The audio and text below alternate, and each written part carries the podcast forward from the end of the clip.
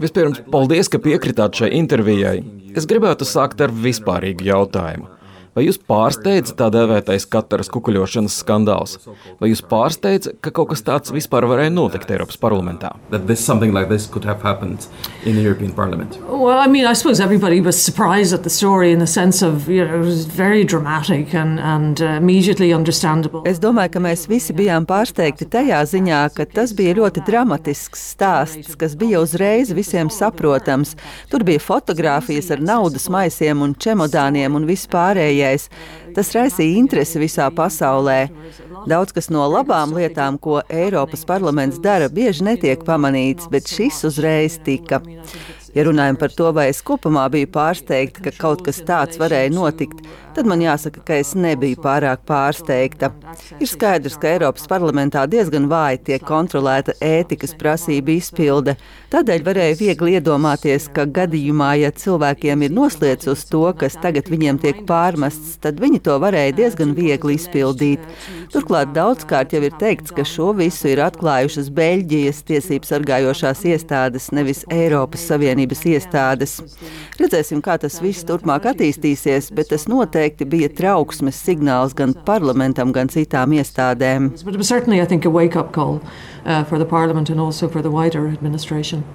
So Un kas tagad būtu jādara?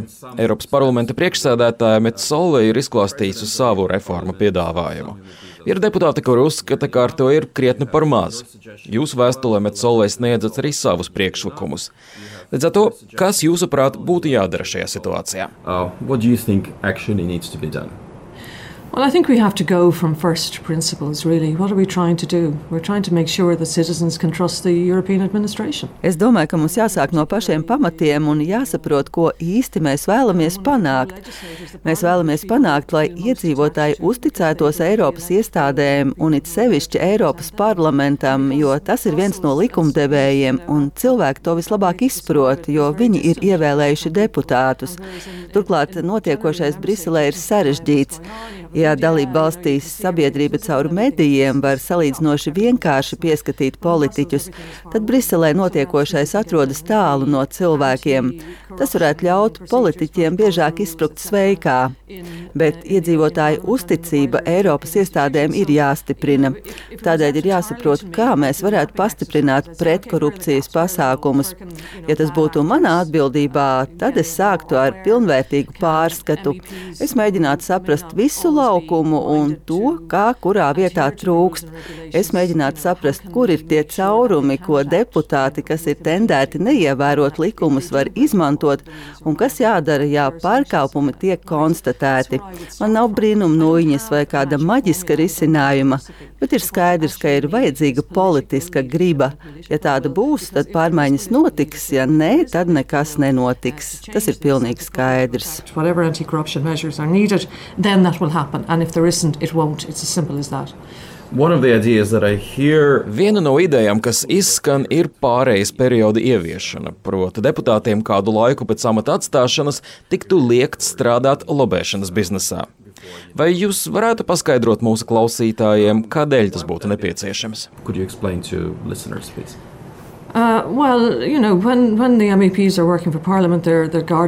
Kad deputāti strādā Eiropas parlamentā, viņi aizstāv sabiedrības intereses, bet daži amati, ko deputāti pēc tam var uzņemties, it sevišķi lobēšana, faktiski ļauj viņiem pelnīt uz sabiedrības interesēm. Viņi var izmantot savas zināšanas un kontaktus privātu interešu aizstāvēšanai. Tas dažreiz var radīt interešu konfliktus. Līdz ar to, jo ilgāks laiks paiet no brīža, kad jūs pametat politisku amatu un uzsākat lobēšanu, jo mazāk noderīgs jūs esat. Tas ir vienkārši. Jūs vairs neesat tik ļoti iesaistīts dažādos procesos kā savu laiku. Tieši tāpēc pastāv uzskats, ka ne tikai parlamentā, bet arī komisijā un padomē cilvēkiem, kas ir strādājuši pie svarīgiem likumiem vajadzētu pagaidīt zināmu laiku pirms sākt šādu darbu. Sākotnējais priekšlikums bija, ka deputātiem tie būtu divi gadi. Jaunākajā versijā tie ir tikai seši mēneši, kas nav pietiekami ilgi. Kamēr jūs pabeidzat priekšvēlēšanu kampaņu, atgriežaties mājās, paņemat atvaļinājumu, sakrāmējat atkal čemodānu un atrodat jaunu darbu, jau būs pagājuši seši mēneši. Tas ir viens no jautājumiem, par ko tagad notiek diskusijas. Arī šeit mums vajadzētu atgriezties pie pašiem pamatiem un saprast, vai korupcija ir problēma. Ja tā ir problēma, tad ir jārod atbilstošs risinājums.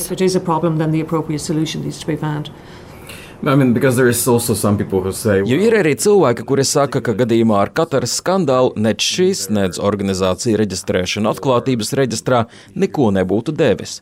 Jo, ja kāds vēlas ņemt naudu, tad tas tik un tā atradīs veidu, kā to paveikt. Know, so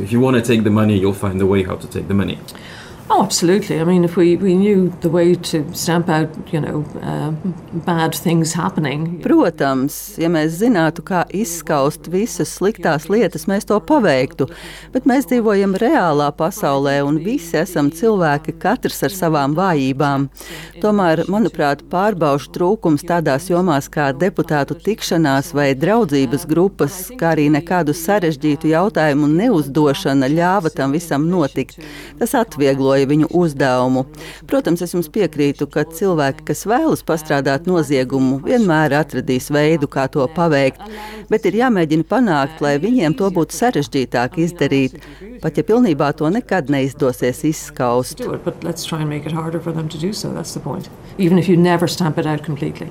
Another thing that at least Vēl viena ideja, ko rosina daži deputāti, ar kuriem esmu runājis, ir finanšu caurskatāmības palielināšana. Proti, viņi uzskata, ka būtu nepieciešams ieviest stingrākus nosacījumus savu ienākumu deklarēšanai, gluži kā tas, piemēram, ir Latvijā. Mūsu politiķiem ir regulāri jānorāda savus ienākumus, un tas apgrūtina iespēju vēlāk legalizēt lielas summas skaidrā naudā. Šeit, Eiropas parlamentā, tā tas nav, un es arī neatceros, ka tas būtu izskanējis kādos priekšlikumos. Vai jūsuprāt, tas būtu noderīgi? Um, Well, I mean, I think all the time you're looking for where conflicts of interest might, might arise, you know, and where people are vulnerable. Kad mēs mēģinām saprast, kur pastāv kādi interešu konflikti, tad informācija vienmēr noder. Tādēļ es domāju, ka jo vairāk mums ir informācijas, jo labāk. Bet jūs pieminējāt kaut ko svarīgu, sakot, ka Latvijā valda šāda veida noteikumi, jo citur valda atšķirīgi noteikumi. Tas rada Eiropas iestādēm pamatīgu izaicinājumu kā mēs varam salāgot tik daudz dažādu kultūru. Un te es nedomāju valodas vai tradīcijas, bet gan attieksmi pret caurskatāmību, ētiku un tam līdzīgi, lai nonāktu pie sistēmas, kas nebūtu nepārāk vienkārša un nepārāk sarežģīta. Bet es varu tikai vēlreiz atkārtot, ka te ir jāatgriežas pie pirmsākumiem un jāsaprot, kur īsti ir problēma un kā to var vislabāk atrisināt. Nevienmēr ir jāspēr radikāli soļi. Ir svarīgi, lai risinājumi nestu rezultātu. I mean, not everything has to be an extreme step, but one that, that, that is appropriate and one that does the job, you know.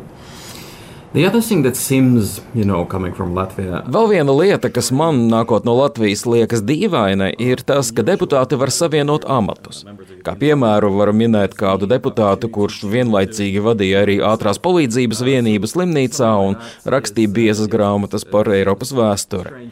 Tas man lika aizdomāties, kuru no šiem darbiem viņš nedara pats. Bet ir cilvēki, kas vienlaicīgi atrodas arī uzņēmuma padomē vai valdē. I think there is a legacy issue here. I mean, for, for a long time, the European Parliament wasn't that important. Es domāju, ka tas ir saistīts ar pagātnes mantojumu. Ilgu laiku no likumdošanas viedokļa parlaments nebija svarīgs. Tikai pēdējās desmitgadēs pēc pamatlīguma izmaiņām Eiropas parlaments ir kļuvis ārkārtīgi spēcīgs un kopā ar padomi veido likumus. Tādēļ toreiz nebija tik svarīgi, ka cilvēki savienoja amatus. Viņi varēja atbraukt uz pāris dienām uz Strasbūru vai Briseli un pārējā laikā turpināt strādāt medicīnā, rakstīt grāmatas vai darīt ko citu. Tagad situācija ir ļoti atšķirīga, bet iestādes iekšējā kultūra vēl nav pielāgojusies jaunajai realitātei. Protams, var teikt, ka gadījumā, ja vēlētāji pamana, ka viņu deputāts pavada vairāk laika rakstot grāmatas nekā strādājot parlamentā, tad viņi var uz to reaģēt nākamajās vēlēšanās. Problēma ar amatu savienošanu rodas tad, kad citi darbi var ietekmēt likumus. Ja jūs strādājat kādā nozarē, vai arī jums ir finanšu intereses tur, vai jūs nesāksiet lobēt šīs intereses likumos, ko jūs veidojat? Te rodas problēma. Es tiešām domāju, ka tas ir vēsturiskais mantojums.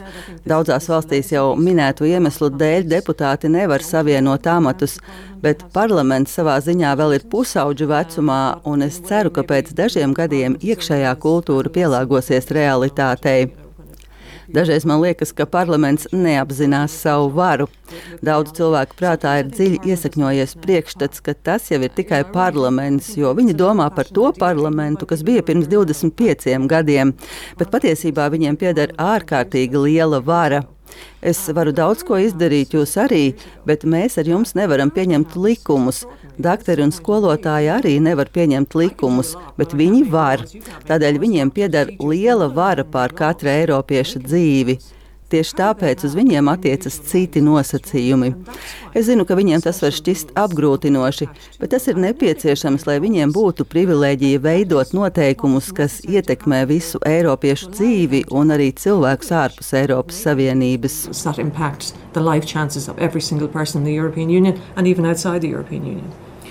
Finally, on the ethics body, there is an idea to create an... Visbeidzot, parunāsim par ētikas iestādi. Ir ideja izveidot šādu organizāciju, kas uzraudzītu visas Eiropas Savienības institūcijas. Tagad ir daudz diskusiju par to, kādai šai organizācijai būtu jāizskatās. Ko jūs par to domājat? Vai mums vispār ir vajadzīga jauna iestāde? Varbūt jūsu birojs varētu ar to nodarboties. Well, a very simple answer to that. Whatever works is, is fine. You know, uh, this, a lot of thinking being done. Obviously. Man uz to ir vienkārši atbilde. Galvenais, lai tas darbotos. Par to tagad daudz tiek domāts gan pie mums, gan citviet. Es ceru, ka no tā iznāks kaut kas, kas pārliecinās iedzīvotājs, ka mums ir ētiska un caurskatāma pārvalde, kas rūpējas par viņu interesēm. Es domāju, ka ticamākais iznākums ir, ka ētikas komisijas katrā no iestādēm kļūs spēcīgākas. Varbūt tiks radīta arī vienota iestāde, kas rūpētos par vispārējo principu ievērošanu.